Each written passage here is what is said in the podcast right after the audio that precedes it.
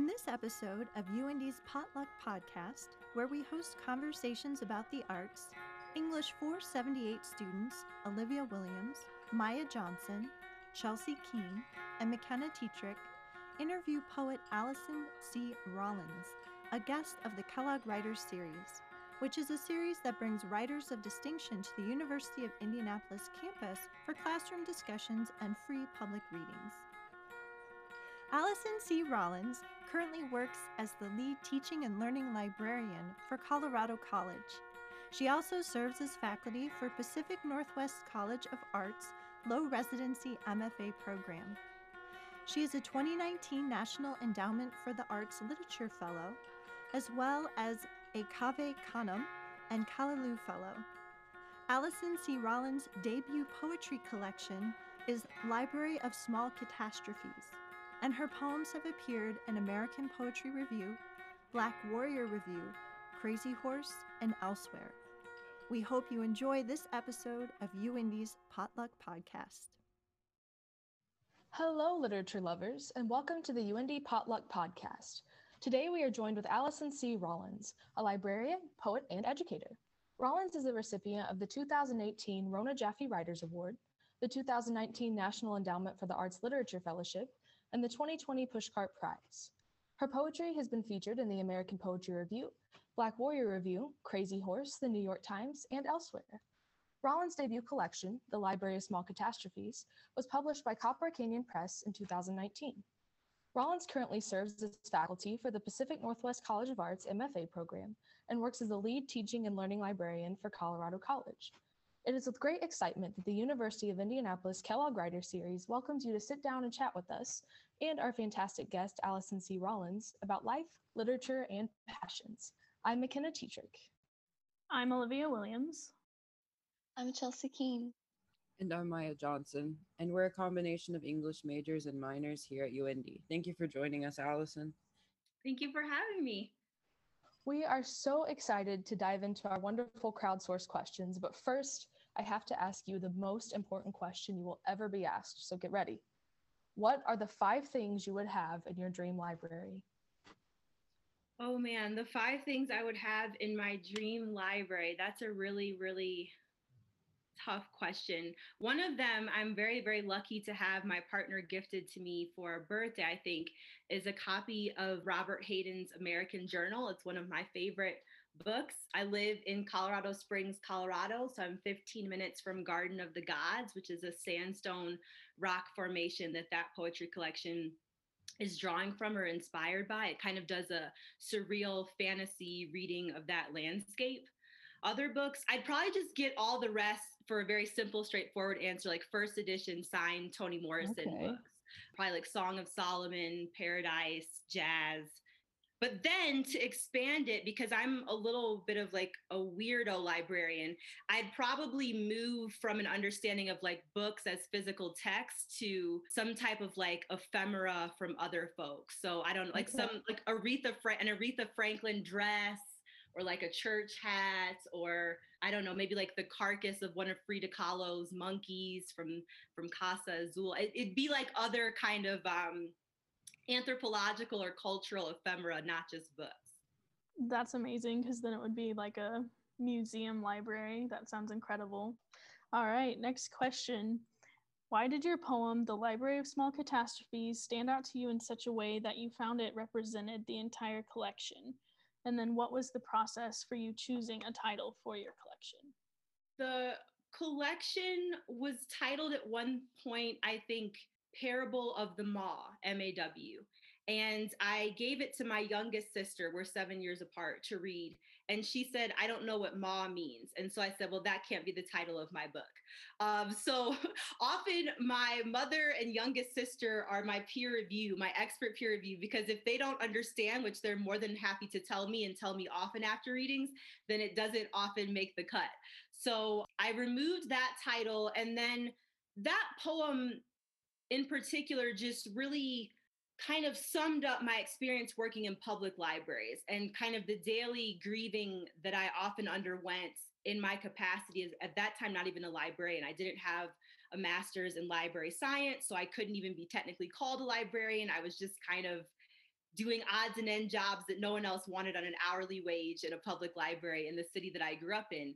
And to me, that poem and then what became the title of the collection is really an extension to, I think, those segments of our society that are often marginalized, that are often invisible, those segments of readership that we write off as being othered. So I'm down for like, you know, sci-fi, fantasy, romance, country, I don't know, country romance, west country western romance, is just like um these subgenres that we don't often consider air quotes literary. And so it really is a way to try to bring in I don't know, whatever type of readers possible into the fold, including those that we often read in public spaces or in particular institutions as not particularly welcome or not the typical or normative person to be in those spaces. I guess what I hoped that that poem was encompassing, and I do view, I guess, librarianship as a type of curation. Um, and I do view living itself as a type of curation all of us hopefully have memories that are functioning to some degree or some level, and that requires memorizing or remembering the past. And so we're all acting as receptacles or vessels or librarians, if you will, on a cellular level, a physiological level, and also a mental level. Yeah, you can tell that there's a lot that goes in with that, and like having to think about how the collection relates to that poem. And here at UIndy, we have a couple poetry writing workshops where students get to write their own poetry and then at the end of the semester they develop their own e-collection or their own e-chapbook. So i know a lot of listeners will be able to relate to that. So thank you for sharing. Honestly i like already loved the title solely because it just seemed to fit so well with the collection but like knowing the whole history behind it makes it like a million times cooler Throughout the poetry collection, you discuss issues on race, religion, gender, sex, you know, womanhood, and family. I was wondering, what is your favorite topic to write about, and which is the most difficult? Great question. My favorite topic to write about, again, I guess weird is just going to be my term of the day. I really gravitate towards poetry that quote unquote doesn't make sense a lot of times, especially when this comes to women's writing, this often will be described as experimental or avant garde, or um, we have these interesting literary terms or way that we kind of couch or position people in boxes, if you will. But I I don't I'm an animal lover. I just finished a novel by Edward Carey called The Swallowed Man, which is a kind of retelling of the Pinocchio story in which um, the father of Pinocchio gets swallowed by a whale and is living inside this whale and has only a certain number of candles and time and paper to write his own narrative. And I read another book by the scholar Alexis Pauline Gumbs called Undrowned, that is a feminist kind of queer reading of marine mammals. So I have these kicks where I just become totally consumed oftentimes with like animal or plant life and then i just go on i don't know into endless rabbit holes. So most recently it's been like eels dolphins whale calls listening to whale mating calls listening and learning about kind of the gender fluidity of certain species of eels. I, I find endless inspiration i think from the natural world really. So if left to my devices it'd be some type of i don't know sci-fi like half dolphin gender fluid person in the Mediterranean Sea or so. I don't that that would be probably what I'd be writing about. And then the most difficult subjects to write about, I think, are often ones that are lived experiences that are steeped on a personal or cultural level in trauma. But what I enjoy about poetry is it's the genre where you can really break all of the rules. So, unlike um, nonfiction or journalism or something, in poetry, I can create weird moments of enjambment or line breaks, or can take a form that no one's ever seen before, a form from a different area of study, or I can use really odd images and not have to really explain myself as to what they mean or what they're connected to. Poetry, for me, in that sense, becomes a playground and a place of kind of expansive freedom to really, I don't know, be subversive, if you will, with things that otherwise are kind of difficult to grapple, process, relive on their surface. Most people who study English don't get the privilege of delving into the Dewey Decimal System. So, would you mind sharing with us some of the numbers you refer to in a valid archive? fun fact I never majored in English because my parents told me that would not be a lucrative career path. So in undergrad, I was a psychology major. And then later, much later in life, after becoming like a PhD dropout in English and a variety of other things, I went back and became a librarian. Valid Archive is actually um, the MARC catalog record. So that would be the behind the scenes, what a cataloger, what they're entering into a database for you to be able to search and find the materials. And I've tried to imagine it as a type of poetry form. I do think computer science I do think algorithms are a type of poetry, a type of art, if you will. And so that is an entry for a book called you all really rejogging my I think African American poets that was an anthology comprised by a librarian named Charlemae Rollins. And so she was a very famous Chicago public library youth librarian and was well known in her heyday for developing these anthologies or collections for young people to be introduced to writers that were marginalized. So that is um, if you ever, if I, I always try to recruit people for library science. So if, if any of you are to go out to library science school and become catalogers, meaning you'll probably work in the depths of a building, the bowels of a building by your lonesome, entering the um, cataloging information, that is what you would create, that type of record. So that is, yeah, I guess a, a poetry form I'd like to think of for cataloging. So, when you are making allusions to other things, do you find that those topics inspire your poems, or do you think your poems inspire you to look into other topics? As you were asking it, my mind went to the image of a constellation and also the image of kind of a patchwork quilt. I think that's how I tangibly think about illusion or intertextual work. I'm just one thing in a galaxy, if you will. And so I'm always drawing from a variety of different sources. I'm never writing or existing in a vacuum. None of none of us are living in a vacuum. And so I'm kind of stitching or curating or weaving together a variety of different things and then sort of outputting them. And again, that may just be, I don't know, my librarian sensibilities or just how I process the world. My maternal grandmother cared for me a lot growing up and had Alzheimer's. And so I think being in proximity to her as a caregiver created very early on an obsession with memory, an obsession with trying to be able to rejog or collect and archive to maintain, to preserve what has happened because memory is so fragile. And as a young person, I just remember looking to my grandmother with like if we don't have our memories, what are we? Like, what does it mean to be a body that is functioning but unable to remember or recognize your own daughter or grandchild? Or what does it mean to have, you know, a functioning personhood or being but not be able to recollect? Like, what immense loss that sort of represents or is. So I don't know that they fuel each other or that I can put like chicken or the egg, which came like um, to your question, because I don't know that I quite view them as separate or binary, but as interlinked or as kind of permeable and porous and always informing each other.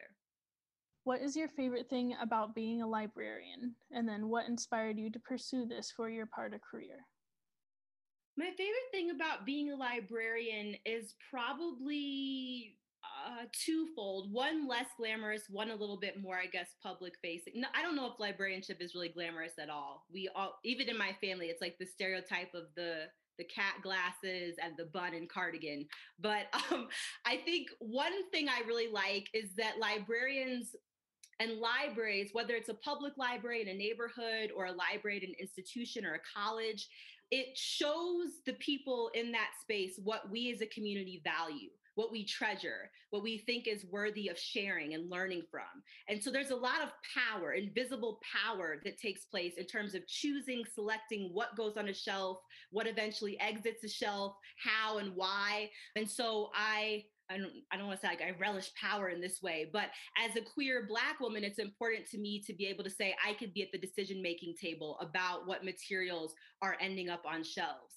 And then the second part of that, I think, is being around other human beings. Like I used to have a bomb it was like birth to two years old story time that I did. And we were, we would just rock out like, you know, it's just, it's a, it's a wonderful community space where for the most part, people come of their own volition.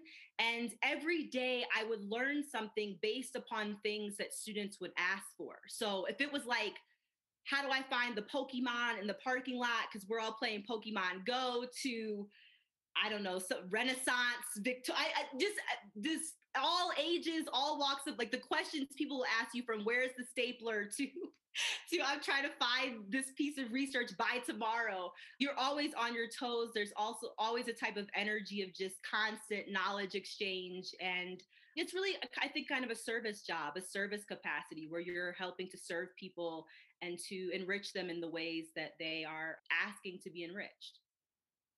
If you have your readers take one thing away from your poems, what would it be? Wow, if I could have my readers take one thing away from my poems, what would it Mm. be? I'm drawn to the word possibility. And what I mean by that is, I think, again, often there's people that have said this much more eloquently than me, other writers and thinkers, but I do think literature acts as a mirror. And so the goal, a, a very freeing and affirming and empowering thing that takes place is when you find a text where you see yourself reflected, where you see what is on the page resonate your own experience.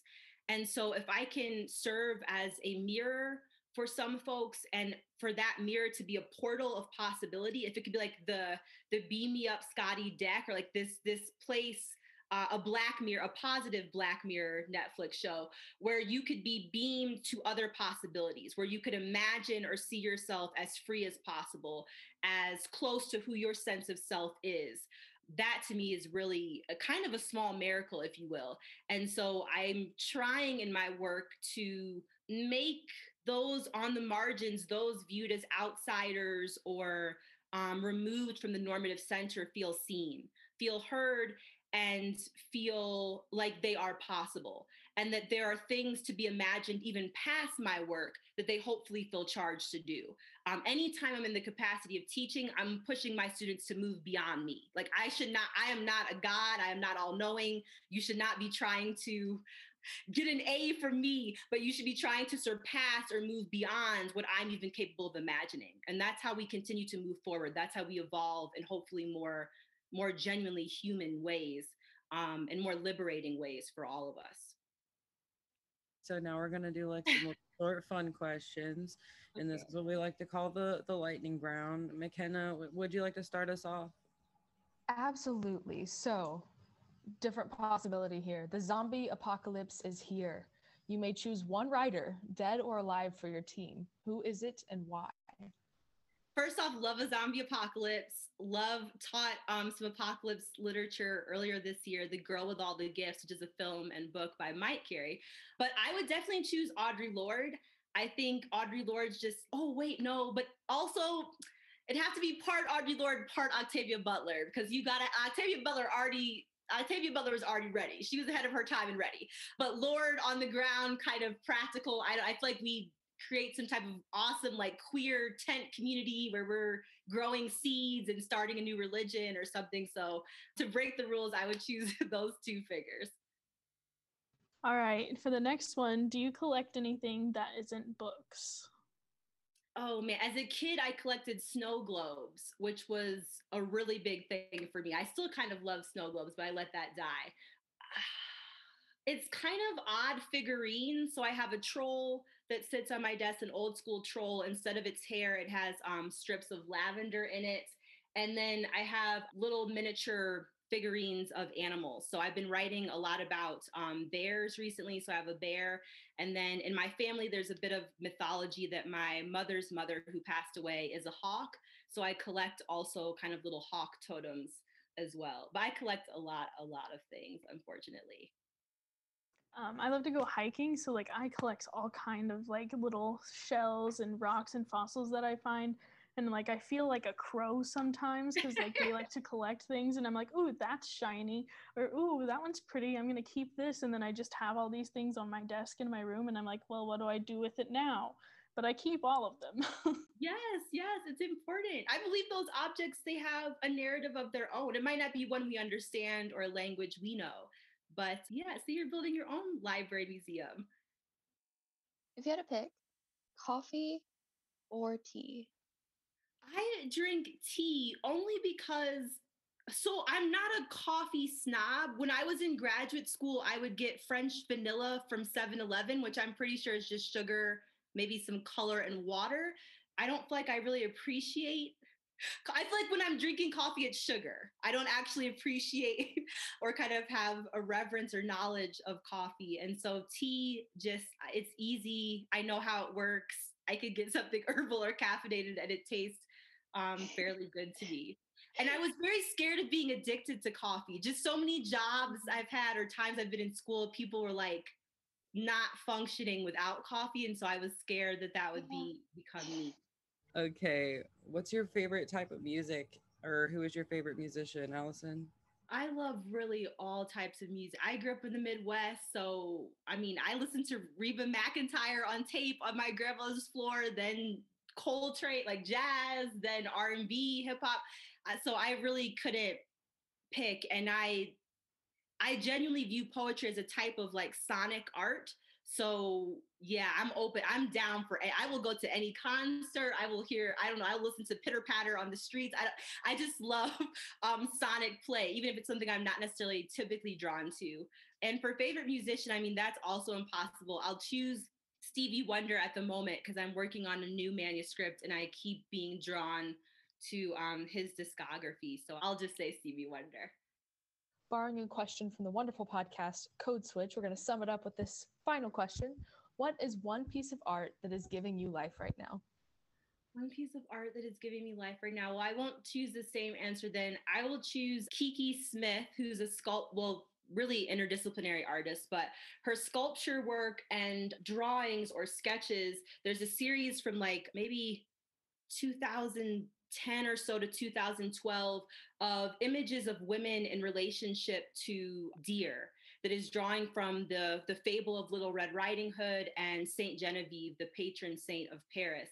And so there are these really surreal, odd images of like a woman being born out of a deer carcass or a woman whose face is entirely kind of furry and kind of metamorphosis like into a wolf, if you will.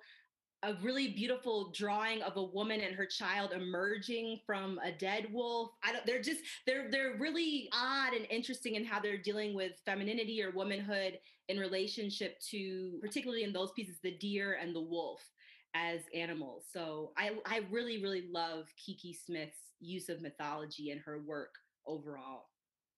All right. Thank you so much, Alison, for joining us for this discussion. And thank you to our listeners for supporting our Kellogg Writer Series student run potluck podcast.